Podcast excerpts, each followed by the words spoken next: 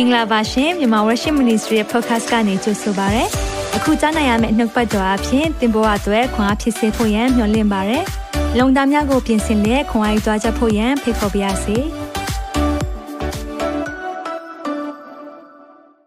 Holy Saturday လို့ရောက်စီတိုင်းကိုနှုတ်ဆက်ပါရစေ။မင်္ဂလာပါအသင်းတော်ဘုရားရှင်ပို့ဆောင်နေကျွန်တော်တို့ဒီနေ့ဆိုရင်တော့9ရက်မြောက်နေ့ဖြစ်သွားပြီ။9နှစ်ပြည့်ရင်တော့မြန်မာကဏ္ဍဆိုရင်တော့ ရှစ်ပဲလာတော့မယ်ဒါဘာကိုပြောတာလဲကဏ္ဍနံပါတ်8ကဘာကိုပုံဆောင်လဲဆိုရင်တော့ new beginning အသစ်အသစ်အဲကြောင့်ပရိညင်တရားဟောင်းပြီးသွားပြီပရိညင်တရားအသစ်ကိုတည်ဆောင်မဲ့သခင်ယေရှုရှင်ပြန်ထမြောက်တဲ့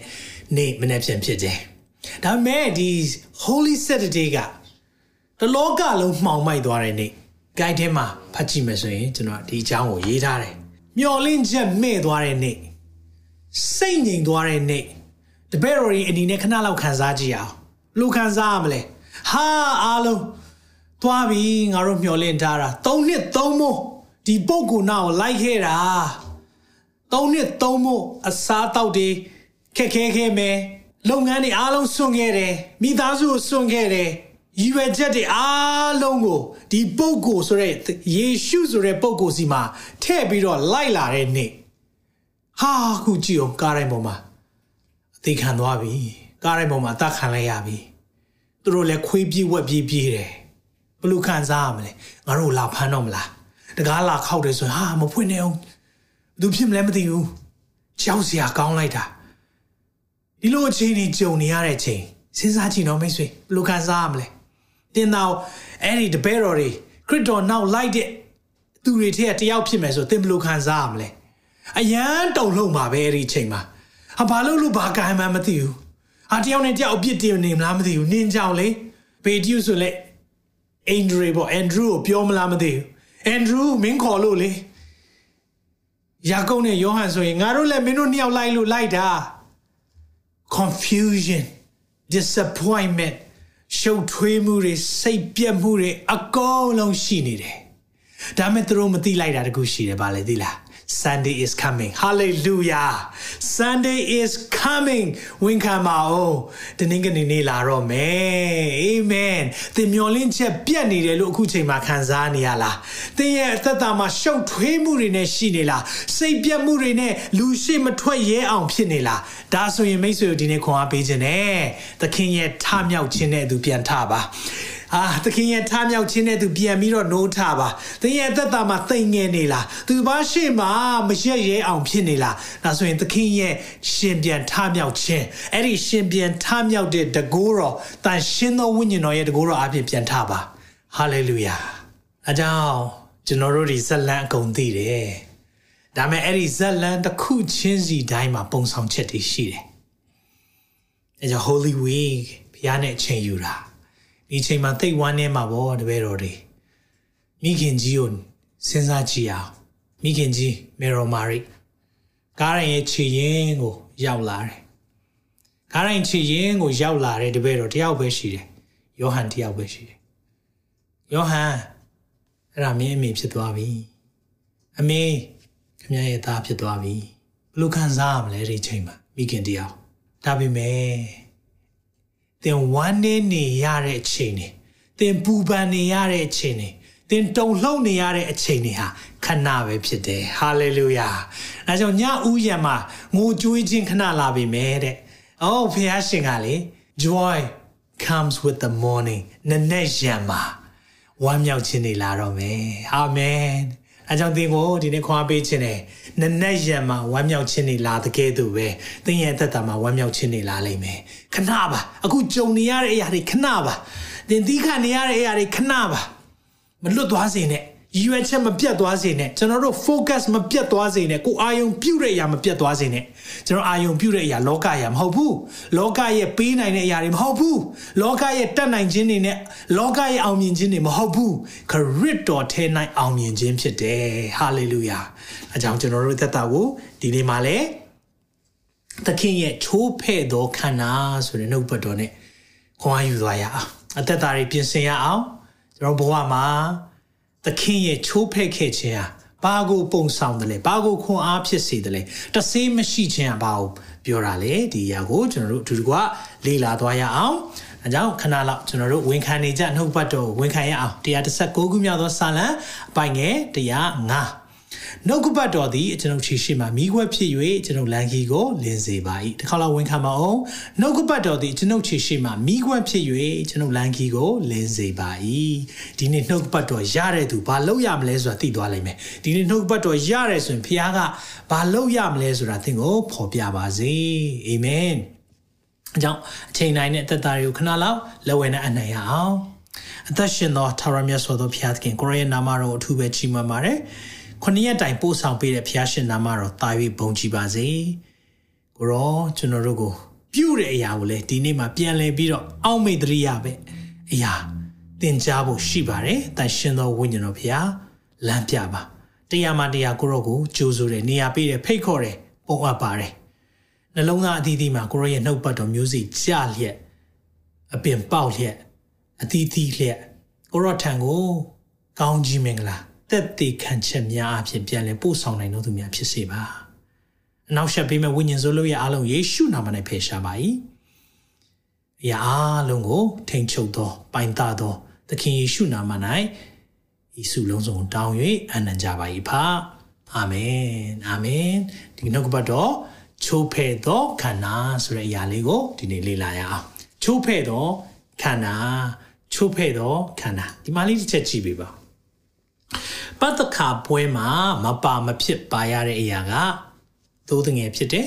သိုးနော်သိုးတို့ lamp ဒါကိုစားခိုင်းတယ်ပြီးရင်နောက်တစ်ခုမပါမဖြစ်ပါရတဲ့အရာကတော့မုံပြပြကြီးအဲ့ဒါတဆေးမဲ့မုံ unleavened bread လို့ခေါ်တယ်တဆေးဆိုတာ yeast ပေါ့ leaven လို့လည်းခေါ်တယ် yeast လို့လည်းသုံးတယ်ဒါကဖောင်းကြွစေတဲ့အရာဒါကြောင့်ဒီမုတ်က တကယ်၍အကယ်၍ဒါလေတဆေးထည့်ထားမယ်ဆိုဖောင်းဖောင်းကြီးဖြစ်နေမှာပေါင်မုံဆိုရင်ဒါတဆေးပါတယ်ဒါပေမဲ့ဒီမုံကြတော့ဂျုံနဲ့လောက်တာဖြစ်ပေမဲ့မဖောင်းဒါကိုကျွန်တော်တို့ဒီနေ့လေ့လာသွားရအောင်ဆိုတော့ mezza mezza လို့ဒါအင်္ဂလိပ်လိုတော့ခေါ်တာပေါ့နော်အဲ့ဒီစကားလုံးကတော့ဟေဟေပြဲစကားမှာတော့ mezza နော်တော့နည်းနည်းစင်တူပါတယ်နော် mezza mezza ဆိုတဲ့အရာကခါတဲ့ဟင်းရွက်လေးနဲ့ သိုးနဲ့အဲ့ဒါစားခိုင်းတယ်ဆိုတော့ဒါကိုပထမဦးဆုံး Passover ပြန်သွားရအောင်နော်ဆိုတော့အခုအားလုံးအဲ့ဒီပတ္တခါပွဲပထမဦးဆုံးပတ္တခါပွဲခဏလောက်ခီးသွားရအောင်အဲ့ဒါပဲအချိန်မှာလဲထွတ်မြောက်ရ7နှစ်မှာအချင်းချက်ထဲမှာသင်ရှိနေတဲ့အချိန်လို့မှတ်ထားလိုက်မလွတ်မြောက်တဲ့အချိန်ကြုံခံနေရတဲ့အချိန်ဘာလို့လို့ဘာကမှမသိတဲ့အချိန်ကို့အချိန်ကိုကိုမပိုင်တဲ့အချိန်အဲ့ဒီအချိန်လေးမှာဘုရားဘာလုပ်ခိုင်းလဲ ထွတ်မြောက်7နှစ်အငယ်9မှာသိုးတငယ်ရဲ့အသားကိုစားရသောအိမ်ဤတကထုံနဲ့တကတိုင်နှစ်ဖက်တွင်သိုးတငယ်၏အသွေးကိုယူ၍ထိုးရမည်တကထုပ်တွေမှာသွေးလိမ်ခိုင်းတာအဲ့ဒီသွေးလိမ်ထားတဲ့အိမ်ကိုစီရင်ခြင်းမတရားဘူးဒါကိုကျွန်တော်တို့မနေ့ကလည်းလေ့လာပြီးပြီခရစ်တော်ရဲ့အသွေးတော်ပုံဆောင်တာဖြစ်တယ်အသားကိုမီးနဲ့กินပြီးမှထိုညခြင်းတွင်တဆေးမပါတော့မုတ်အဲ့မှာသုံးထားပြီး တဆေးမပါတဲ့မုတ်ဒီအသားကိုกินခိုင်းတယ်ဆိုတော့ဘာဘီကျူလုပ်ခိုင်းတာกินရတယ်ပြီးရင်တဆေးမပါတော့မုတ် unleavened bread ခုနမုံပြပြကြီးပြီးရင်ခါတော့ဟင်းသီးဟင်းရွက်နဲ့စားမယ်နော် horse radish တို့သူသုံးတဲ့အရာလေးတွေရှိတယ်နောက်နှစ်မှာဖျားအလိုတော်ရှိတယ်ဆိုရင်ကျွန်တော်ပတ်သက်ခါပွဲတစ်ခုလုံး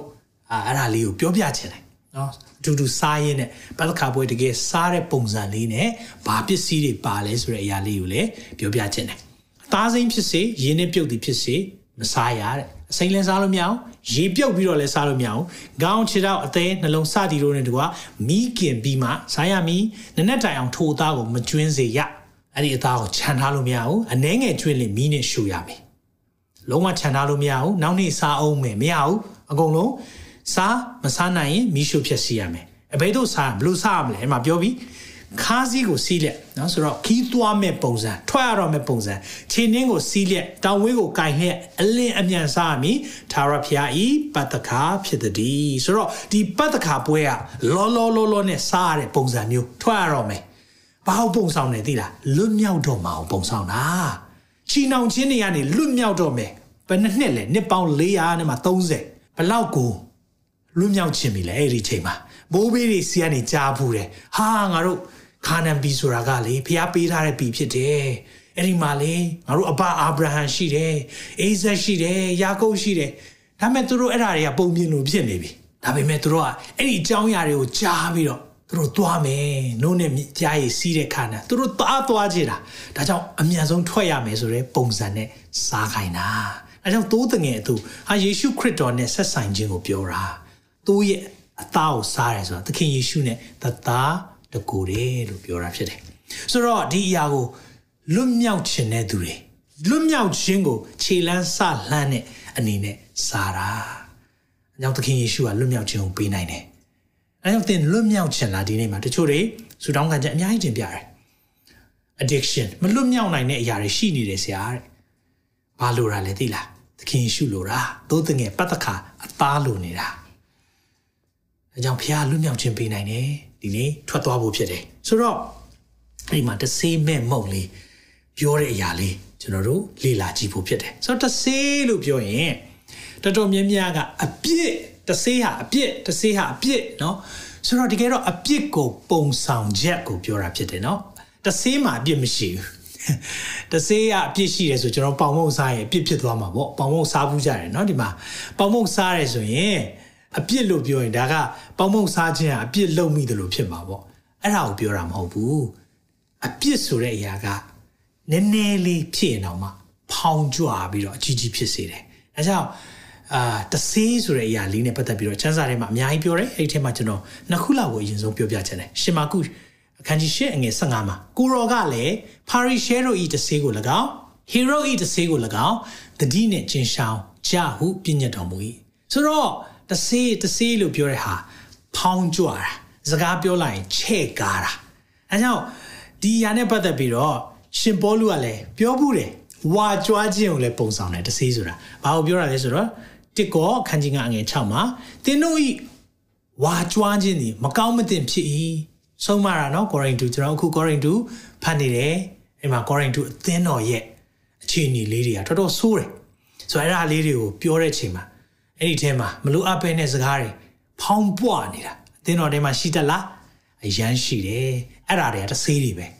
ဒီຢာတွေကမကောင်းမသင့်ဖြစ်၏အနှင်းငယ်သောတဆေးသည်မုံစိမ့်တပုံလုံးကိုဖောင်းကြွစေတတ်သည်ကိုမသိကြသလောတဲ့ဆိုတော့တဆေးဆိုတာကမုံသေးသေးလေးထဲမှာထည့်လိုက်ရင်ဖောင်းကြွစေတယ်တင်တို့ဒီတဆေးမဲ့ဖြစ်သည်နဲ့အညီတဲ့ဟာဒီထဲမှာကြတော့တဆေးမဲ့ဖြစ်ပြီလို့ပြောထားတယ်ခရစ်တော်ရဲ့ကိုယ်ခန္ဓာအားဖြင့်ပြောတာဖြစ်တယ်အသစ်တော်မုံစိမ့်ဖြစ်မိအကြောင်း ဟောင်းသောတဆေးကိုတုတ်တင်ပဲရှင်းကြလော့အကြောင်းမူကားခရစ်တော်တည်ဟူသောငါတို့ပတ္တခါသို့တငယ်သည်ငါတို့အဖို့ရစ်ပူဇော်ရာဖြစ်၏ထို့ကြောင့်ဟောင်းသောတဆေးစွညက်မိုက်မဲခြင်းတဆေးတို့ကို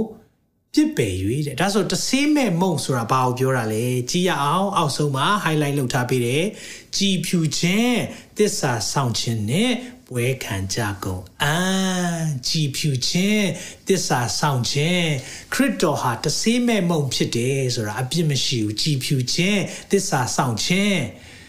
ဝါကြွားခြင်းနေမရှိဘူးဒီအရာကိုပုံဆောင်တယ်ဒါကြောင့်သခင်ကအဲ့ဒီညမှာစားခိုင်းတဲ့အရာရှိသလိုဒီအရာကိုလည်းပတ်သက်ခါညမှာသူကိုယ်တိုင်နော်တပည့်တော်တွေနဲ့စားကြတယ်ဆိုတော့ခဏလောက်ကျွန်တော်တို့အီဂျစ်ပြည်ကိုခဏပြန်သွားရအောင်နော် အီဂျစ်မှာနောက်ဆုံးနေ့မှာတဆေးမဲ့မုံစားတယ်သူတို့တော့ဘာပုံဆောင်မန်းကိုကောင်းကောင်းသိပုံမရအောင်သူကိုတတ်ခိုင်းတယ်သူ့အသွေးကိုလိမ့်ခိုင်းတယ်သူတို့လှုပ်ဆိုလို့လှုပ်ရတယ်အဲ့ဒါမလှုပ်ရင်စီရင်မယ်တဲ့နောက်စားခိုင်းတဲ့အရာခုနကျွန်တော်ထွက်မြောက်ဆက်နေမှာဖတ်တယ်ဘာပါလဲတဆေးမဲ့မုံစားရမယ်တဲ့ဒါဆိုရင်တဆေးမထည့်ရအောင်သူတို့အဲ့ဒီမုံပြပြားကြီးနဲ့အာသိုးနဲ့ပြီးရင်သိုးသားပေါ့နော်သိုးသားနဲ့မိခင်ထားတဲ့သိုးသားနဲ့ ဟင်းရွက်ခါတဲ့အရာအီဂျစ်ပြည်ရဲ့ခါသီးခြင်းတွေနော်ဒီအရာတွေအားလုံးကိုအဲ့ဒီညမှာစားခိုင်းတယ်ဒါဆိုဘာကိုပုံဆောင်လဲ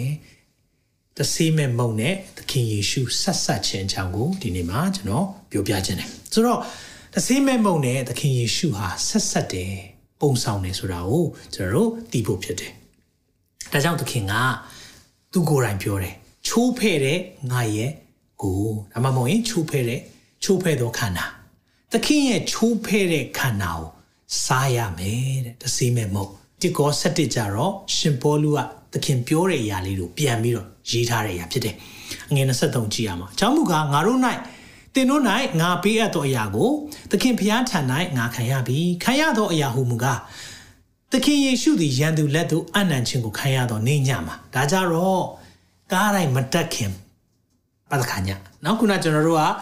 အီဂျစ်ပြည်ရဲ့ပတခါညပြီးတော့နှစ်ပေါင်း2000ကြာလာပြီကားတိုင်းတင်မဲ့ကားတိုင်းမတက်ခင်ပတခါညမှာဘာလုပ်လဲမုံကိုယူ၍ဂျေဇုတော်ကိုချီးမွမ်းပြီးမှမုံကိုဖဲ့ပြီးချိုးဖဲ့တဲ့ခန္ဓာမုံကိုဖဲ့ပြရတယ်အဲ့ဒီမုံကိုဖဲ့တဲ့ခါမှာဤမုံကတင်တို့အဖို့အလို့ငါချိုးဖဲ့တော့ငါဤကိုဒါကြောင့်ဒီရဲ့ပတ္တခါမုတ်မစ်ဇာ တဆေးမဲ့မုံဟာတခြားမဟုတ်ဘူးသခင်ယေရှုကိုပုံဆောင်တယ်အဲ့ဒီအရာချိုးဖဲ့တဲ့ကိုဖြစ်၏ယူ၍စားကြလောငါကိုအောက်မေ့ဖို့ရာဤသို့ပြုကြလောဟုမိန်တော်မူ၏ငါကိုအောက်မေ့ဖို့ရာလောက်ပါတဲ့သခင်ကပြောတယ်ဒါဆိုရင်သခင်ကိုအောက်မေ့တိုင်းမှာမုံကိုချိုးဖဲ့လို့ရလားရတယ်ဘာမုံလဲတဆေးမဲ့မုံအဲကြောင့်သခင်ကတဆေးမဲ့မုံမုံဆိုတဲ့အရာကိုသူခဏခဏပြောတယ် ဆိုတော့ကျွန်တော်တို့ကမုံလို့ပြောရင်ကျွန်တော်တို့အတွက်သိမလေးနဲ့အာရှတွေကဘာစားတာများလဲထမင်းကျွန်တော်တို့အတွက်ဆန်ထမင်းကအရေးကြီးတယ်ဆိုတော့ကျွန်တော်ဒီအကြောင်းအရာလဲယေရှုက I am ဆိုတဲ့ series ပေါ့နော်ကျွန်တော်ဒီအကြောင်းအရာအသေးစိတ်ပြောဖူးတယ်ကောင်းကင်ကလာတဲ့မုံတို့နော်အသက်မုံတို့ချိုးဖဲတဲ့မုံလို့ပြောလိုက်ရင်နည်းနည်းပေါ့လို့ဖြစ်တယ်ကျွန်တော်မြန်မာလူမျိုးတွေအတွက်အဲဘာကြောင့်လဲဆိုတော့ကျွန်တော်2003 2003မှာကျွန်တော် UK နိုင်ငံမှာချမ်းစာကြောင်းတက်တဲ့အချိန်မှာဒါမြန်မာပြည်ကနေချက်ချင်းရောက်သွားတော့သူတို့ကအင်္ဂလိပ်စာတွေကျွေးတာပေါ့သူတို့စားတဲ့အစားတောက်တွေကိုကြီးလိုက်တဲ့အခါမှာအမြဲတမ်းကိုယ့်အတွက်ဘာပဲဖြစ်နေလဲဆိုတာဟင်းနေကြီးပဲဖြစ်နေเนาะဆိုတော့သူတို့အသားกินတဲ့အရာတွေအဲဒီလိုခုနလိုသိုးသားတို့တခုခုရှိတယ်ပြီးရင်အာလူးဆိုကျွန်တော်တို့ကအဲ့ဒါဟင်းလေကိုအတွက်စားတော့စားတယ်အာတခုခုလိုသလိုပဲစိတ်ထဲမှာလေ ပါဇက်ကလည်းအာတောင်းတတယ်အာတောင်းတအောင်ဒီလားထမင်းကိုလေတောင်းတတယ်ထမင်းကိုအိမ်မက်မက်တယ်အိမ်မက်ထဲမှာထမင်းကိုပဲရှာနေတာမျိုးတွေမက်တယ်ကိုကလည်းတွေ့ကြုံနေတဲ့ခါမှာအဲ့ဒီအချိန်မှာထမင်းကိုယ်တိုင်ချက်စားလို့ရတယ်တို့ rice cooker တွေယူသားလို့ရတယ်ဆိုတာနားမလည်ဘူးကျွန်တော်တို့အတုပ်ပြီးတော့နောက်တစ်တုပ်မှာဆိုရင်စင်ကာပူက ကျောင်းသူတယောက်ဆိုရင်အမေသူကထမင်းဘူးပါထမင်းအိုးပါယူလာထမင်းအိုးတေးသေးလေး rice cooker လေးယူလာသူကိုယ်တိုင်ချက်စားတော့ဟာငါလည်းလို့စားလို့ရပါလားမသိခဲ့ဘူးဆိုတော့မြန်မာပြည်ကကျွန်တော်ထွက်လာတာနှစ်20ရှိပြီဒါပေမဲ့မြန်မာလူမျိုးတွေကိုပြန်ပြီးတော့တရားဟောရမယ်လို့တခါမှမထင်ခဲ့မိဘူးကြီးမြတ်တဲ့ဘုရားရှင်ကိုပဲဘုံပေးပါတယ်ဘာကြောင့်လဲသိလားအဲ့ဒီအသက်မုံလေစားတဲ့အခါမှာဘလောက်ကောင်းတယ်လဲဆိုတာကိုလေပြန်ပြောပြနေတာအဲကြောင့်ဒီနေ့အသက်မုံဆိုတာ ဒီအနောက်တိုင်းသားတွေပဲဖြစ်ဖြစ်အရှိလေပိုင်းတိုင်းသားတွေအတွက်ဒီဂျုံနဲ့လှုပ်တဲ့အစားအစာသူတို့အတွက်ထမင်းလိုပဲအဲကြောင့်ဒီနေ့နော်အသက်မုံလို့ပြောရင်မပေါ့သွားနဲ့သိအရေးကြီးတယ်တင်ထမင်းမစားရရင်မနေနိုင်တယ်လို့ပဲသူတို့အတွက်သိအရေးကြီးတယ်ဒါကိုအရင်ဆုံးကျွန်တော်တို့ရှင်းရှင်းလင်းလင်းနားလည်ဖို့လိုတယ်ဒါကြောင့်သခင်ယေရှုကငါဟာအသက်မုံဖြစ်တယ်ဆိုတဲ့အရာကိုကျမ်းစာထဲမှာခဏခဏကိုပြောထားတယ်အဲ့ဒီစကလုံးလေး I am ဆိုတာလေးကိုခဏမှတ်ထားပေးပါငါ I am ငါအသက်မုံဖြစ်တယ်ယောဟန်6အငယ်35မှာယေရှုကလည်းငါသည်အသက်မုံဖြစ်၏အသက်မုံလို့ပြောတယ်ငါထံသို့လာသောသူသည် နောက်တစ်ဖန်အစာမမွတ်မခံရငါကိုယုံကြည်သောသူသည် နောက်တစ်ဖန်ရေငတ်မခံရသူဟာငါအသက်ရေလို့ပြောတဲ့အချိန်ရှိတယ်ဒီမှာကျတော့သူကအသက်မုံဖြစ်တယ်လို့သုံးထားတယ်ဆိုတော့အသက်မုံ အသက်မုံဆိုတာလေအရေးသိတ်ကြီးတာဆိုတော့ဒီအရာကိုသူတဏှာတည်းပဲပြောတာမဟုတ်ဘူးရှင်ယောဟန်6အငယ်32 35 41 42 48 51ခဏခဏအဲ့အသုံးသုံးတယ်ငါသည်အသက်မုံဖြစ်တယ်ကောင်းကင်မှာဆင်းသက်တဲ့မုံဖြစ်တယ်ကောင်းကင်မှာဆင်းသက်တဲ့မုံဖြစ်တယ်အသက်မုံဖြစ်တယ်ကောင်းကင်မှာဆင်းသောမုံဖြစ်တယ်အသက်မုံဖြစ်တယ်လောကီသားတို့ဖို့အသက်ဆွတ်လို့ငါဒီမှာနောက်ဆုံးချောင်းမှာဆိုငါပေးသောမုံကလောကီသားတို့ အသက်အဖို့အလို့ငါစွန့်တော်ငါဤအသားသုံးထားတယ်ကောင်းကင်ကမုံဘူဘီတွေကမာနမုံစားကြတယ်တဲ့မဟုတ်ဘူးအဲ့ဒါမာနမုံစားတာမဟုတ်ဘူးကောင်းကင်ကကြားတဲ့ငါ့ကိုစားတာသူတို့နားမလည်နိုင်ဘူးဘာလို့ပြောတာလဲမာနမုံစားတယ်လေနှစ်ပေါင်း40မာနမုံစားခဲ့တယ်ကောင်းကင်ကကြားလာတယ်ဒါမဲ့အဲ့ဒီပုံဆောင်ချက်လေးတခုဒီနေ့ပြောပြခြင်းတယ် ကောင်းကင်ကကြတယ်မုံမုံ I am the breath of life သခင်ယေရှုကဘာကိုသုံးသွားတာလဲသိလားသခင်ယေရှုကငါအခုမှပေါ်လာပြီးတော့ငါအခုမှရှိတဲ့လူသားမဟုတ်ဘူးငါကဖျားဖြစ်တယ်ဆိုရဲကြီးမားတဲ့ဖော်ပြချက်ဖွင့်ပြချက်ကိုသူ့တပည့်တော်တွေကိုပြောတာနားမလည်နိုင်အောင်ချက်ချင်းဟာငါကောင်းကင်ကလာတဲ့အသက်မုံတော့အဲ့ဒီຢာလေးဒီမှာကြည့်အောင် I am has sent me to you သခင်ယေရှုကသူ့ကိုယ်သူဖျားဖြစ်တယ်ဆိုတာကိုအကြီးအကျယ်ပြတဲ့တနေရာလေးကျမ်းစာထဲမှာကျွန်တော်တွေ့ရတယ်နော်တနေရာလေးအဲ့ဒီတနေရာလေးပေါ့နော်တခြားနေရာတွေလည်းကျွန်တော်ပြတာရအောင်ဟောဘူးတယ်ဒီဒီတနေရာလေးဒီနေ့ပြချင်တယ်အဲ့ဒါဘာလဲဆိုတော့မောရှိကိုကျွန်းနေကိုသွားကယ်ဖို့လွတ်လိုက်တဲ့အချိန်မှာထွတ်မြောင်သုံးထဲမှာဘသူလွတ်တယ်လို့ပြောရမလဲတဲ့အဲ့လိုပြောတဲ့အချိန်မှာဖះကပါပြန်ပြောလိုက်လဲဆိုတော့အငယ်ကျွန်တော် ဒီနေ့မှာအငယ်ဆက်လေးကိုဖတ်ချင်တယ်ဖះသခင်ကလည်းထွတ်မြောင်သုံးဆက်လေးဖျားသခင်ကလည်းငါဖြစ်သည့်အတိုင်းငါဖြစ်၏ဟု၍၎င်းငါဖြစ်သည်ဟုအမည်ရှိသောသူ I am ဆိုတဲ့တယောက်ကတဲ့ I am ငါကိုသင်တို့ရှိရာသို့စေလွတ်တော်မူပြီဟုအေးဒီလာမျိုးသားပြန်ပြောလို့တဲ့ငါဆိုတဲ့တယောက်လွတ်လိုက်တယ်လို့ပြောပါတယ်သခင်ယေရှုကသူ့ကိုယ်သူပါသုံးသွားလဲငါ I am the bread of life ဒါဆိုရင်မောရှေကိုလွတ်လိုက်တဲ့တယောက်ဘာတူလဲသူပဲလေဒီဆိုနားလည်လားမသိဘူးအဲကြောင့်မလို့သခင်ယေရှုဟာဖျားဖြစ်တယ်နော်လူသားတက်တက်ပဲမဟုတ်ဘူးလူစားတိခန္ဓာဟုတ်တယ်ဒါပေမဲ့ तू ကကဘာမတီမရှိမရှိမိကြတဲ့ဒီရှိတော့ဖျားဖြစ်ပြီးသား I am စက်နေကောင်းကင်ကလာတဲ့အသက်မဟုတ် I am ငါဟာအသက်မဟုတ်အဲကြောင့်ငါလွတ်လိုက်တဲ့တရားသူကိုယ်သူပြောတာအဲ့လိုလဲပြောလဲပြောလိုက်ရော လူတွေကနားမလည်နိုင်ကြဘူးသခင်ယေရှုဒါကြောင့်ဒီနေ့မှာလေအသက်မဟုတ်တဆေးမဲ့မုတ်ဆိုတာဘာကိုပုံဆောင်လဲဆိုရင်ကျွန်တော်အချက်၃ချက်နဲ့ဒီနေ့မှာပြောပြချင်တယ်။သခင်ယေရှုဟာဖယားသခင်ဖြစ်ကြောင်းဖော်ပြတာဖြစ်တယ်။သခင်ယေရှုဟာဖယားသခင်ဖြစ်ကြောင်းဖော်ပြချက်ဖြစ်တယ်။အဲကြောင့်ဒီနေ့တဆေးမဲ့မုတ်ကိုစားပါချိုးဖဲတဲ့ကိုခန္ဓာကိုစားပါငါ့ကိုစားပါဆိုတာဘာကိုပြောတာလဲငါဖယားဖြစ်တယ်ငါဖယားဖြစ်တယ် ယောဟန်၈ငယ်56မှာဖတ်ချင်တယ်တင်တို့ဘအာဗြဟံသည်ငါကြွလာမိအချိန်ကာလကိုမျှော်လင့်ခြင်းကအလွန်အလိုရှိသခင်ယေရှုပြောတာနော်ဒီတော့အဖအိဗြဟံလေငါလာဖို့အရန်တောင်းတခဲ့တာအရန်မျှော်လင့်ခဲ့တာမြင်ရသောအခါအလွန်ဝမ်းမြောက်ခြင်းဝမ်းမြောက်ခြင်းတို့ရောက်သည်တဲ့ငါ့ကိုမြင်တော့သူအရန်ဝမ်းမြောက်တယ်နော်တဲ့စဉ်းစားကြည့်အောင်ဘယ်တော့တွေ့တာလဲဘောင်ကျမ်းထဲမှာရှိတယ်အာဗြဟံစီမှာဖျားလာတဲ့အချိန်လေအဲ့ဒါမင်းတို့အဘအာဗြဟံလေ ငါ့ကိုတွေ့တယ်နော်တဲ့ဝမ်းမြောက်တယ်နော်တဲ့ယူရလူတို့ကလည်းဟာနေုံနေုံနေုံခမရအသက်ကတဲ့ဒီမှာပြောပြီးတင်းရဲ့သက်သည်အနှစ်90များမရှိဘဲလက်တင်းဒီအာဗြဟံကိုမြင်လေပြီးတကားဟုဆိုကြ၏နှစ်90တောင်မရှိသေးပဲဘာလို့အာဗြဟံမြင်တယ်လို့ပြောတာလဲယေရှုကလည်းငါအမှန်အမှန်ပြောမယ်နော်အာဗြဟံမဖြစ်မီငါဖြစ်၏တဲ့အာဗြဟံမဖြစ်ပြီးငါဖြစ်၏ before abraham i am before abraham I am နဲ့ before Abraham I am နဲ့ပြောလိုက်တာအဲ့လိုပြောလဲပြောလိုက်ရောဒီနေ့ကျွန်တော်နားလည်ဖို့ကပါလဲဆိုတော့ဒီမှာယေရှုကလည်းငါအမှန်ဆိုသည်ကအာဗြဟံမဖြစ်မီငါဖြစ်လူတွေကလက်မခံနိုင်ဘူးမစားနိုင်ဘူးဘာလို့လဲထို့ခါကိုရောကိုဂဲနဲ့ပြစ်ခြင်းကကြောက်ခဲတို့ကိုကောက်ကြ၏တဲ့ကြောက်ခဲနဲ့ပေါက်တတ်မလို့ယေရှုသည်တင်းရှောင်၍ထိုသူ၏အလယ်၌ရှောက်သွားပြီလေ ဗိမာန်တော်မှထွက်ကြတော်မူ၏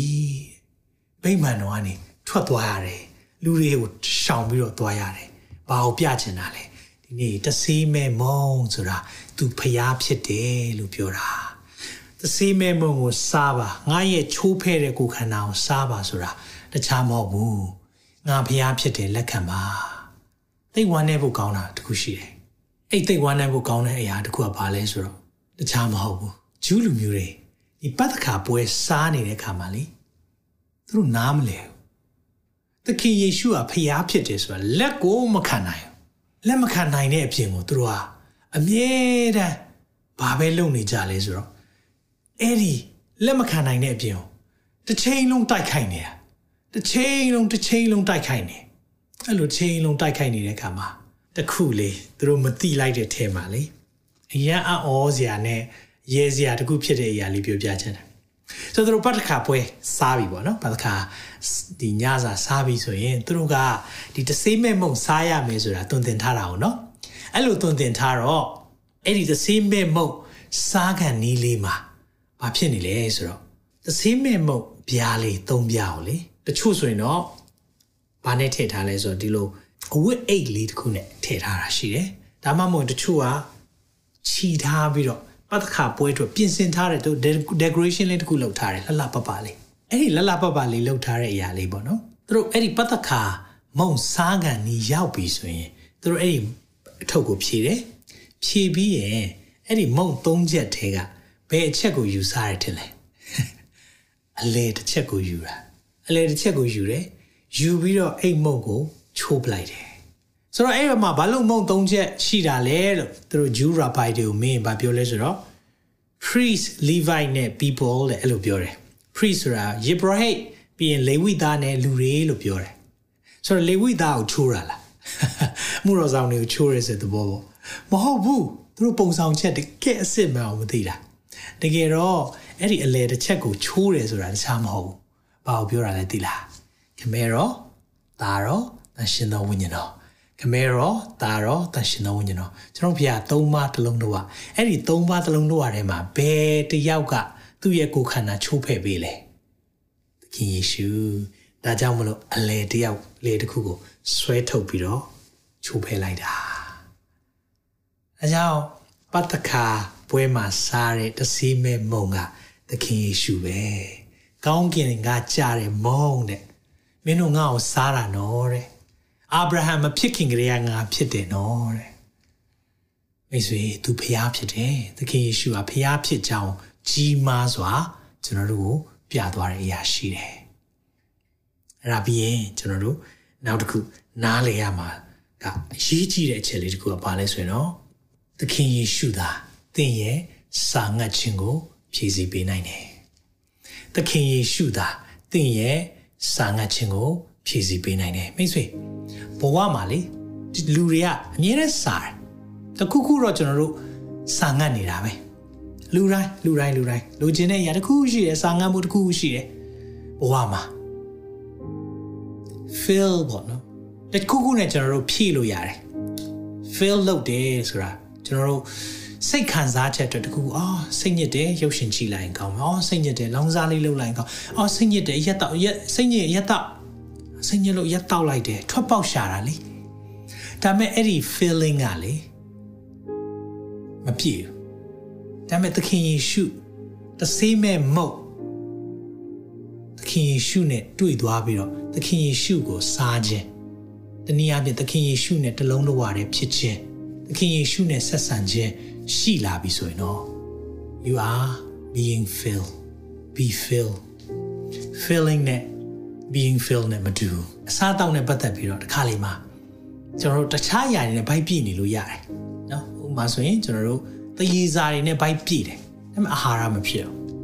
အပီဇာတွေဒီမှာဆိုရင် KFC တွေအမကျမ်းမာတဲ့အစားအစာအစားအစာတွေဖြစ်တယ်ဘိုက်တော့ပြည့်တာပေါ့ fast food တွေကဒါပေမဲ့အဲ့ဒါတွေကကိုယ်တကယ်အာဟာရလည်းမပေးဘူးတကယ်ဖြည့်စွမ်းပေးခြင်းလည်းမပေးနိုင်ဆိုတော့သင်ရဲ့သက်တာဘာနဲ့ဖြည့်နေတယ်လဲကျွန်တော်ဒီမိကိုမေးခြင်းတယ် သင်စားနေတဲ့အရာကဘာတွေစားနေတာများလဲဆိုတော့ bite တင်းတဲ့အခါမှာတချို့တွေကနှုတ်ပတ်တော်ကျွေးမစားချင်ဘူး။အားကြောင့်လဲဆိုတော့တခြားအရာတွေနဲ့ကိုကပြည့်နေတော့ပြည့်စုံတယ်လို့ထင်နေတာ။ဒါပေမဲ့တစ်ချိန်မှာလေအဲ့ဒီသင်ဖြည့်နေတဲ့အရာကတကယ်ကိုကိုဖြည့်ပေးနိုင်တဲ့အရာမဟုတ်ဘူးလို့သင်သိလာတဲ့နေ့ရောက်လာနိုင်မယ်။အဲ့ဒီနေ့မှာဒီနှုတ်ပတ်တော်မှတ်ထားပါ။အာတဆေးမဲ့မုံစားဖို့လိုတယ်လို့သိထားပါ။သခင်ယေရှုလိုတယ်လို့သင်သိထားဖို့လိုတယ်။ တဆေးမဲ့မုံစားတဲ့အခါမှာအရသာသိမ့်မရှိဘူး။ဆိုတော့ကျွန်တော်ကျွန်တော်နဲ့ဆရာမ healthy food စားတယ်။ဆိုတော့ healthy food ကြိုက်တဲ့အခါမှာကျွန်တော်တို့ကျန်းမာတဲ့အစားအစာတွေအစီအစိမ်ရှောင်တယ်။အာကျွန်တော်တို့အကျော်လှော်တွေဖြစ်နိုင်ရှောင်တယ်။ကျန်းမာတဲ့အစားအစာစားတယ်။ကျွန်တော်တောက်တဲ့ juice အစားကျန်းမာတဲ့အရာတွေတောက်ကြတယ်။ဆိုတော့အိမ်မှာဧည့်သည်လာတဲ့ကလေးတွေကျွန်တော် apple juice ဆိုတကယ်တော့တကယ်ပန်းသီးရည်ကိုညှစ်ထားတဲ့အရာ သူ့ကိုတိုက်လိုက်တာ။သူကနည်းနည်းမိပြီးတော့မကောင်းဘူးလေ။ဘာလို့လဲဆိုတော့ तू တောက်နေကြ apple juice ကတကြားများပြီးတော့ဟိုပန်းသီးရေအစ်စ်မဟုတ်အဲ့ဒါတောက်နေကြဖြစ်တဲ့ခါမှာတကယ်အစ်စ်တိုက်တဲ့ခါမှာလေအရသာမရှိဘူးအနောက်ကဘတ်တော်လည်းထွေလင်းကောင်းမယ်တကယ်အစ်စ်ကျွေးရင်လေဘာကြီးလည်းမသိဘူးဘာကြောင့်လဲဆိုတော့တစ်ခါလေးမှာကိုစားထားတဲ့ဟာတွေကလေ အရန်အရသာရှိတယ်လို့လို့ရှိပြီးတော့ကို့အတွက်ကိုဝိညာဉ်အတွက်တကယ်အာဟာရမဖြစ်တဲ့အရာတွေစားထားရင်လေလေစစ်မှန်တဲ့နှုတ်ကပတ်တော်တွေမစားနိုင်ဘူးဒါမဲ့မြန်မာ worship မိသားစုများဂျေစုတော်ကြောင့်ကျမ်းမာပြီးတော့ healthy ဖြစ်တဲ့နှုတ်ကပတ်တော်တွေစားခွင့်ရတယ်အာမင်ဒီအရာတွေစားနေကြဆိုရင်အခုအစာရှောင်ပြီးရင်လေတချို့အရင်စားခဲ့တဲ့စားစာသွားစားကြည့်ကြည့်ဟာဒါကြီးက မစားနိုင်တော့ဘာလို့လဲဆိုတော့ဟာတလောက်ငံလားဟာတလောက်ချိုလားဟာဒီစားတော့ကတလောက်တောင်အရသာမေကိုဟာလေစားနေကြဖြစ်တဲ့အခါမှာထုံသွားတာအကြောင်းတစ်ခါလေမှာဖះနဲ့အချိန်ယူတာချိန်ယူပြီးရင်အခုစာငတ်နေတဲ့အရာဘိုက်ကအရန်စားတယ်ဒါပေမဲ့နှုတ်ကပတ်တော့စားလိုက်ရင်ဟိုကပြောတယ်တခင်ကဖြည့်စီပေးတဲ့ကမှာခုနသက်သေခံချက်တွေ comment တွေမှာတွေ့တယ်ခုနရဲ့သွားနိုင်ပါမလားထင်တာ ဖះလန်းဆန်းခြင်းနဲ့ပို့ဆောင်လေအများကြီးပဲသက်သေခံချက်တွေခုတလုံးမှာသက်သေခံချက်အကြီးကြီးတွေရောက်လာတယ်။ဘာကြောင့်လဲဖះနဲ့အချိန်ယူခြင်းသွားတဲ့ခါမှာတင်ကိုယ်တိုင်ချိုးဖဲ့တာလေသခင်ရဲ့ချိုးဖဲ့တဲ့ခန္ဓာကိုယ်ပုံနာလဲစေတယ်နော်။နောက်သခင်ကျွန်တော်တို့အတွက်သိခံနေရဒီနေ့မှာအယံတန်ဖို့ရှိတယ်။သခင်ရဲ့အသွေးနဲ့လည်းကျွန်တော်တို့ဆက်ဆံရသလိုသခင်ရဲ့ချိုးဖဲ့တဲ့ကိုယ် နာကျင်စွာထိုးခြင်းနှိပ်စက်ခြင်းခံရတဲ့အရာလေးတွေကျွန်တော်တို့တွေသိဖို့လိုတယ်ဒါကြောင့်ယောဟန်6:57မှာငါသည်ကောင်းကင်မှဆင်းသက်သောအသက်မုံဖြစ်၏ဤမုံကိုစားသောသူမည်ဒီကအစင်မပြတ်အသက်ရှင်လိမ့်မည်အစင်မပြတ်အသက်ရှင်မယ်တဲ့သခင်ယေရှုကိုစားရင်တနည်းအားဖြင့်သခင်ယေရှုကိုလက်ခံရင်တဲ့အစင်မပြတ်အသက်ရှင်မယ်ငါပေးသောမုံကလောကီသားတို့၏အသက်ဖို့လို့ငါဆွံ့တော့ငါ၏အသားပေသည်ဟု မိန်တော်မူ၏မိတ်ဆွေဒီနေ့သခင်ပေးတဲ့ဟာကစားရင်အသက်မုံကိုစားရင်ချိုးဖဲ့တဲ့ကိုယ်ခန္ဓာကိုစားရဲဆိုရင်တဆေးမဲ့မုံကိုစားရင်သင်သာရသက်ရှင်မယ်အဲကျွန်တော်တို့ရဲ့ကြီးမားဆုံးသောမျှော်လင့်ချက်ဖြစ်တယ်ဒီကျွန်တော်တို့စားနေတဲ့အရာအမြဲတမ်းစားလိုက်ပဲဒါကျွန်တော်တို့ကိုထာဝရအသက်မပေးနိုင်ကျွန်တော်တို့စားနေတဲ့ထမင်းကျွန်တော်စားနေတဲ့ပေါင်မုံတွေဒီအရာတွေကထာဝရအသက်မပေးနိုင်ဘူးလောကမှာနေတဲ့အတွက်တော့ကျွန်တော်တို့ စားကောင်းစားနေရမယ်ဒါပေမဲ့ကျွန်တော်ကိုယ်ခန္ဓာအတွက်ဖြစ်ပေမဲ့ဝိညာဉ်စားအဲ့ဒီဝိညာဉ်ဘယ်တော့မှမသိဆုံးတော့မဲ့ဝိညာဉ်အတွက်လေစားမယ်ရာတခုရှိတယ်အဲ့ဒါသခင်ရဲ့ချိုးဖဲတဲ့ကိုဖြစ်တယ်ဟာလေလုယာအဲကြောင့်ကျွန်တော်ရဲ့အသက်တာမှာသခင်ရဲ့ကိုယ်ခန္ဓာကိုစားထားပြီးပြီဆိုရင်သင်ရဲ့အရင်မြန်သခင်ဖြစ်သွားပြီဒါကြောင့်ဒီနောက်ဆုံးချက်နဲ့ကျွန်တော်ဆုံးသက်ခြင်းနဲ့သခင်ယေရှုဟာ နေ့စဉ်အသက်ရှင်ခြင်းရဲ့အရင်အမြစ်ဖြစ်ကြောင်းပြတယ်ဘုရားရဲ့နှုတ်ပတ်တော်နေ့တိုင်းစားတယ်အဲဒါမြန်မာ worship ရဲ့ဆောင်းဖို့က unbeliever to believer believer to disciples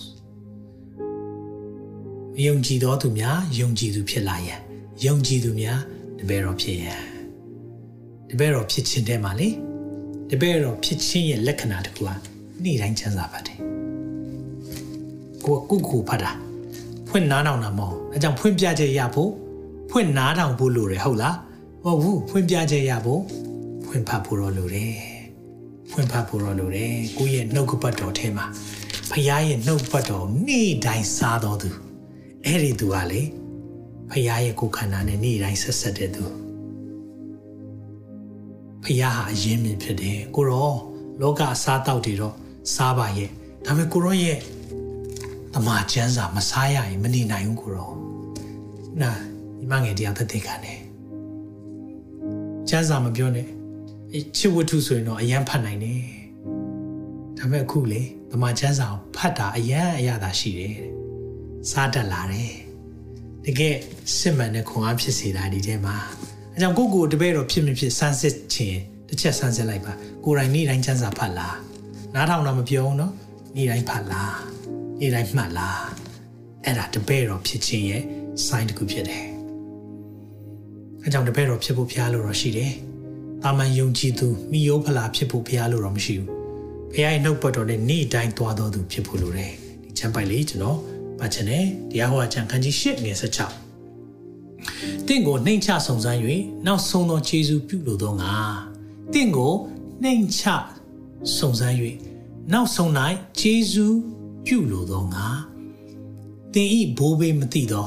မာနနှင့်တော၌ကျွေးမွေးသောတင်ဤဖျားသခင်ထာဝရဘုရားကိုမိလျော့၍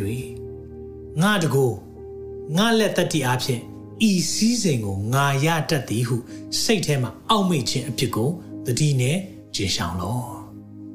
ငါလုံနိုင်တာလေငါလုံကောင်းတာငါဝင်ငွေကောင်းလို့ဟောငါပညာနဲ့ငါလှုပ်ရှားတာအဲ့ဒါ မာနမုံမစားတာဖခင်ကလေအဲ့ဒီမာနမုံတောမှာကျွေးခဲ့တဲ့မာနမုံအဲ့ဒီသူကိုယ်တိုင်ကျွေးခဲ့တဲ့အရာကိုစားတဲ့သူတွေမဟုတ်ပဲနဲ့တဲ့ငါလုံနိုင်တယ်လို့ထင်ရင်အဲ့ဒါစိတ်ထဲမှာရှောင်ပါတဲ့သင်ဖျားသခင်သာရဖျားကိုသာအောင်မေးရမည်ကြောင့်မူကားသင်ဘိုးဘဘိုးဘီတို့အားချိန်ဆူတော်မူသော ဗြိညင်တရားတော်ကိုယနေ့ကဲ့သို့တည်စေလိုသောငါစီးစိမ်ရတတ်သောအစွမ်းသက်သည်ကိုဖျားသခင်ပေးတော်မူ၏တကယ်တော့စီးစိမ်ဥစ္စာအားလုံးကဖျားစီရပဲလာတာအရင်မြစ်ဖြစ်တယ်ဆိုတာကိုနားလဲပါအဲကြောင့်ချိုးဖဲ့တဲ့ကိုခန္ဓာဘာကြောင့်စားဖို့လိုတာလဲတဆေးမဲ့မုံတဆေးမဲ့မုံဆိုတာသခင်ယေရှုကဖျားဖြစ်တယ်အပြစ်ကင်းမဲ့တော်သူဖျားဖြစ်တယ်ဆိုတာကိုမတ်တစ်ချက်ပြတယ်ပြီးရင်အဲ့ဒီတဆေးမဲ့မုံစားမှပဲ သင်ရဲ့ဘဝမှာမှန်ကန်တဲ့ဖြည့်ဆည်းခြင်းစစ်မှန်တဲ့ဝပြောခြင်းသင်ရဲ့စာငတ်ခြင်းတွေကိုပြည့်ဖြည့်ဆည်းပေးနိုင်တာသခင်ပဲဖြစ်တယ်ပြီးရင်တော့နေ့စဉ်အသက်ရှင်ခြင်းရဲ့အရင်မြင်ငါစီးစိမ်နေရလို့ငါအလုပ်လုပ်နိုင်လို့မဟုတ်တော့ဘူးသခင်ကိုစားထားလို့သခင်ဆိုတဲ့ကိုခန္ဓာကိုသုံးဆောင်ထားလို့ငါသွားနိုင်တာအာမင် အကြောင်းမိတ်ဆွေဒီနေ့မိကိုမေးခြင်းနဲ့နေ့တိုင်းသခင်ကိုသုံးဆောင်လားချိုးဖဲ့တဲ့ကိုခန္ဓာသင်တို့အတွက်ချိုးဖဲ့တယ်ငါ့ကိုအောင်မေ့ဖို့ရာဤသို့ပြုပါဒီနေ့ဖခင်ရဲ့နှုတ်ကပတ်တော်နေ့တိုင်းဖဲ့တာလေဖခင်ရဲ့ချိုးဖဲ့တဲ့ကိုခန္ဓာကိုနေ့တိုင်းအောင်မေ့တာငါ့ကိုအောင်မေ့တော့အခါခါတစ်နှစ်မှတစ်ခါပဲအောင်မေ့လားကျန်းစာတစ်နှစ်မှတစ်ခါပဲဖတ်တယ်တစ်ပတ်မှတစ်ခါပဲဖတ်တယ်ဘုရားเจ้าရောက်လို့ဆရာလှမ်းပါဆိုလို့လှမ်းခိုင်းတာလား နေ့တိုင်းစားရအောင်ကောင်းကင်ကကြားရမို့နေ့တိုင်းစားလို့ရတယ်ဖခင်ရဲ့နှုတ်ကပတ်တော်နဲ့အသက်ရှင်ရအောင်နေ့တိုင်းဖခင်ရဲ့ချိုးဖဲ့ထားတဲ့အရာကိုအောင်မြင်ရအောင်ခင်ရှုလဝါကားတိုင်းမှာဒီနေ့အသေးခံတဲ့ချိန်မှာတရောကလုံးတိတ်ဆိတ်တယ်။ဘာလို့လို့ဘာကံမှမသိတော့တပည့်တော်ကြီးကြောက်နေခဲ့တယ်။ရည်ရွယ်ချက်တွေပြက်ကုန်ပြီ။သုံးနှစ်သုံးမိုးသူ့နောက်လိုက်လာခဲ့တာတွေသွားပြီလို့ထင်ရတဲ့အချိန်မှာ သခင်အလုံးလုံးနေစေဖြစ်တယ်။စေမဲမောသခင်ရဲ့တကြိုခြင်းဒါပေမဲ့ Sunday is coming ရှင်ပြန်ထမြောက်ခြင်းလာတော့မယ်ရှင်ပြန်ထမြောက်ခြင်းဆိုတာသေခြင်းရှိပြီးမှသာဖြစ်လို့ရတဲ့အရာဖြစ်တယ်မသိဘဲနဲ့ရှင်လို့မရအောင်လေသေပြီးမှပဲရှင်ပါညောင်သခင်ယေရှုဟာအရင်သေတယ်ဘာကြောင့်လဲသူကဖျားဖြစ်တယ်ဆိုတာ အသက်ကိုပိုင်တယ်ငါဟာလန်ကီတမာတရားအသက်ဖြစ်တယ်သူအသက်ဖြစ်ကြောင်းပြတာ I am the resurrection and life ငါဟာအသက်ဖြစ်တယ်ထမြောက်ခြင်းအကြောင်းအသက်ရှင်ခြင်းအကြောင်းဖြစ်တယ်ဒီအရာကိုသူပြချင်တာဒီဆိုရင်ဒါကြောင့်ဒီနေ့သခင်ယေရှုဟာသင်ရဲ့အသက်ဖြစ်ပြီလားမိကိုမေးခြင်းနဲ့ဒါမှမဟုတ်ရင်သင်ရဲ့စားနေတဲ့အရာတွေလောကအရာတွေနဲ့ဖြည့်နေစေဆိုရင်ဒီနေ့သခင်ရဲ့ကိုယ်ခန္ဓာနဲ့ဖြည့်ဖို့ရန်အတွက် ဒီနေရာကနေတိုက်တွန်းနေအဲကျွန်တော်ဆူတောင်းပေးခြင်းနဲ့မနေ့ကလည်းတစ်ဖွဲ့ဆူတောင်းပေးခဲ့တယ်ဒီနေ့လည်းတစ်ဖွဲ့ဆူတောင်းပေးခြင်းနဲ့အဲ့ဒါပါလေဒီနေ့မှာသခင်ရဲ့ကိုယ်ခန္ဓာကိုကျွန်တော်စားခြင်းနဲ့ကျွန်မစားခြင်းနဲ့တနည်းအားဖြင့်သခင်ယေရှုရဲ့ဖြစ်တည်ချက်ရက်တည်ချက်နဲ့ကျွန်မသွားခြင်းပါပြီကျွန်မရဲ့လူအင်ဟာသခင်ယေရှုပဲဖြစ်တယ်ကျွန်တော်ရဲ့လူအင်ဟာသခင်ယေရှုပဲဖြစ်တယ်ဆိုရင် ဒီနေ့ဝန်ခံပေးပါကျွန်တော်ဆုတောင်းပေးခြင်းနဲ့အဲ့ဒီလူတွေအတွက်ဘဝရဲ့လူအင်ဟာသခင်ပဲဖြစ်တယ်ချိုးဖဲ့ခဲ့တဲ့ကိုယ်ခန္ဓာဒီနေ့မှာကျွန်တော်စားခြင်းနဲ့ကျွန်မစားခြင်းနဲ့အဲ့ဒီသူတွေအတွက်ကျွန်တော်ဆုတောင်းပေးပါရစေဝန်ခံပါကိုယ့်ရဲ့သက်တာဘာရင်နဲ့ဖြစ်နေလဲသင်ဒီဆုံးဖြစ်တယ်သင်ရဲ့သက်တာမှာစာငတ်နေအောင်ပါပဲသင်ရုပ်ရှင်တကားပြီးတကားကြည့်နေအောင်ပါပဲ music တစ်ခုပြီးတစ်ခုနားထောင်ချင်အောင်ပါပဲ လောင်စာတစ်ခုပြီးတစ်ခုလှုပ်ချင်နေအောင်ပါပဲတောက်စားမှုတွေတစ်ခွက်ပြီးတစ်ခွက်သွားနေအောင်ပါတလိပ်ပြီးတလိပ်ဖွာနေအောင်ပါပဲတရားပြီးတရားဝါနေအောင်ပါပဲဘာကြောင့်လဲသခင်ယေရှုသခင်ယေရှုကိုမစားထားရင်တော့နေ့တိုင်းမစားထားရင်တော့သင်ဟာနေမယ်အကြောင်းသခင်ယေရှုရဲ့ချိုးဖဲတဲ့ကိုယ်ခန္ဓာကျွန်မစားခြင်းနဲ့ကျွန်တော်စားခြင်းနဲ့ဘဝလူအင်ဟာကိုရောပဲဖြစ်တယ်ဆိုရင်ကျွန်တော်တို့ဝန်ခံခြင်းနဲ့ဒီနေ့မှာအားလုံးဝန်ခံရအောင် သက်သာတွေခဏလောက်ပြင်ဆင်ရအောင်သက်သာတွေအားလုံးဒီနေ့သခင်ရဲ့ချိုးဖဲတဲ့ကိုယ်ခန္ဓာကိုအောင်မြင်ရအောင်လဝါကားတိုင်းမှာတင့်အတွက်အသေးခံနေနာကျင်စွာထိုးခြင်းနှိပ်စက်ခြင်းခံနေဒီအရာဟာကျွန်တော်တို့အတွက်လွတ်မြောက်ရာလမ်းဖြစ်စေတယ်ကျွန်တော်နောက်ကနေအားလုံးယေရှုပြည့်လိုက်ဆိုပေးပါသခင်ယေရှုဖျားကိုရောရဲ့ချိုးဖဲ့တဲ့ခန္ဓာအတွက်ယေရှုတင်ပါတယ် ကျွန်ုပ်ဘဝကိုထာဝရအသက်ပေးဖို့ရန်အတွက်ကိုရောရဲ့ပြုသောအရာကိုဒီကနေ့မှာနားလည်ခွင့်ရပါပြီသခင်ယေရှုဖျားကျွန်ုပ်ဘဝကိုဖြည့်ဆည်းပေးပါကျွန်ုပ်ဘဝရဲ့လိုအင်ဟာကိုရောပဲဖြစ်ကြောင်းဒီကနေ့မှာဝန်ခံပါတယ်အပြစ်အားလုံးကိုဝန်ချတောင်းပန်ပါတယ်တဆေးအားလုံးကိုဒီကနေ့မှာဖယ်ပါတယ် တဆေးမဲ့မုံဒီဟုသောသခင်ယေရှုသားလည်းကျွန်ုပ်ဘဝရဲ့လိုအင်ဖြစ်ကြောင်းဒီကနေ့မှာပြန်လည်ဝန်ခံပါတယ်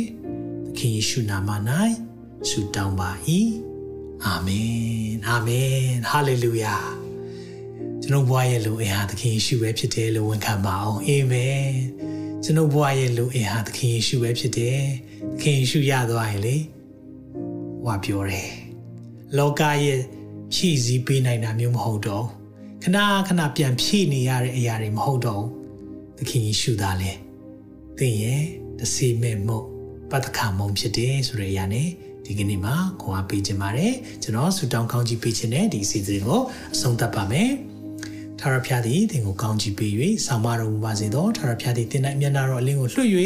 ဂိယုနာကျေးဇူးပြုတော်မူပါစေသောထာဝရဘုရားသည်သင်ကိုမြှောက်ကြည့်၍ချမ်းသာပေးတော်မူပါစေသော လူတွေမပေးနိုင်တဲ့ဝါပြောခြင်းတစီမဲ့မုန်တီဟူသောသခင်ယေရှုအားဖြင့်သင်ရဲ့ဘဝမှာပြေဝပါစေလို့သခင်ရှုနာမ၌ဆုတောင်းကောင်းချီးပေးပါရယ်ဘုရားလိုရရှိရင်မနေ့ဖြစ်မှာပြန်တွေ့ရအောင် God bless you all တင်ခုလိုနာဆင်ခွန်အားနိုင်ခြင်းဟာမြန်မာ Worship Ministry ကိုလာဆင်ပန်ပိုးနေကြတဲ့ Kingdom Partners များအကြောင်းဖြစ်ပါတယ်။ဖျားခင်နိုင်ငံတော်ကျယ်ပြန့်ရေးအတွက်လာဆင်ပေးကမ်းပောင်းဖို့ရန်ဖိတ်ခေါ်လိုပါတယ်ရှင်။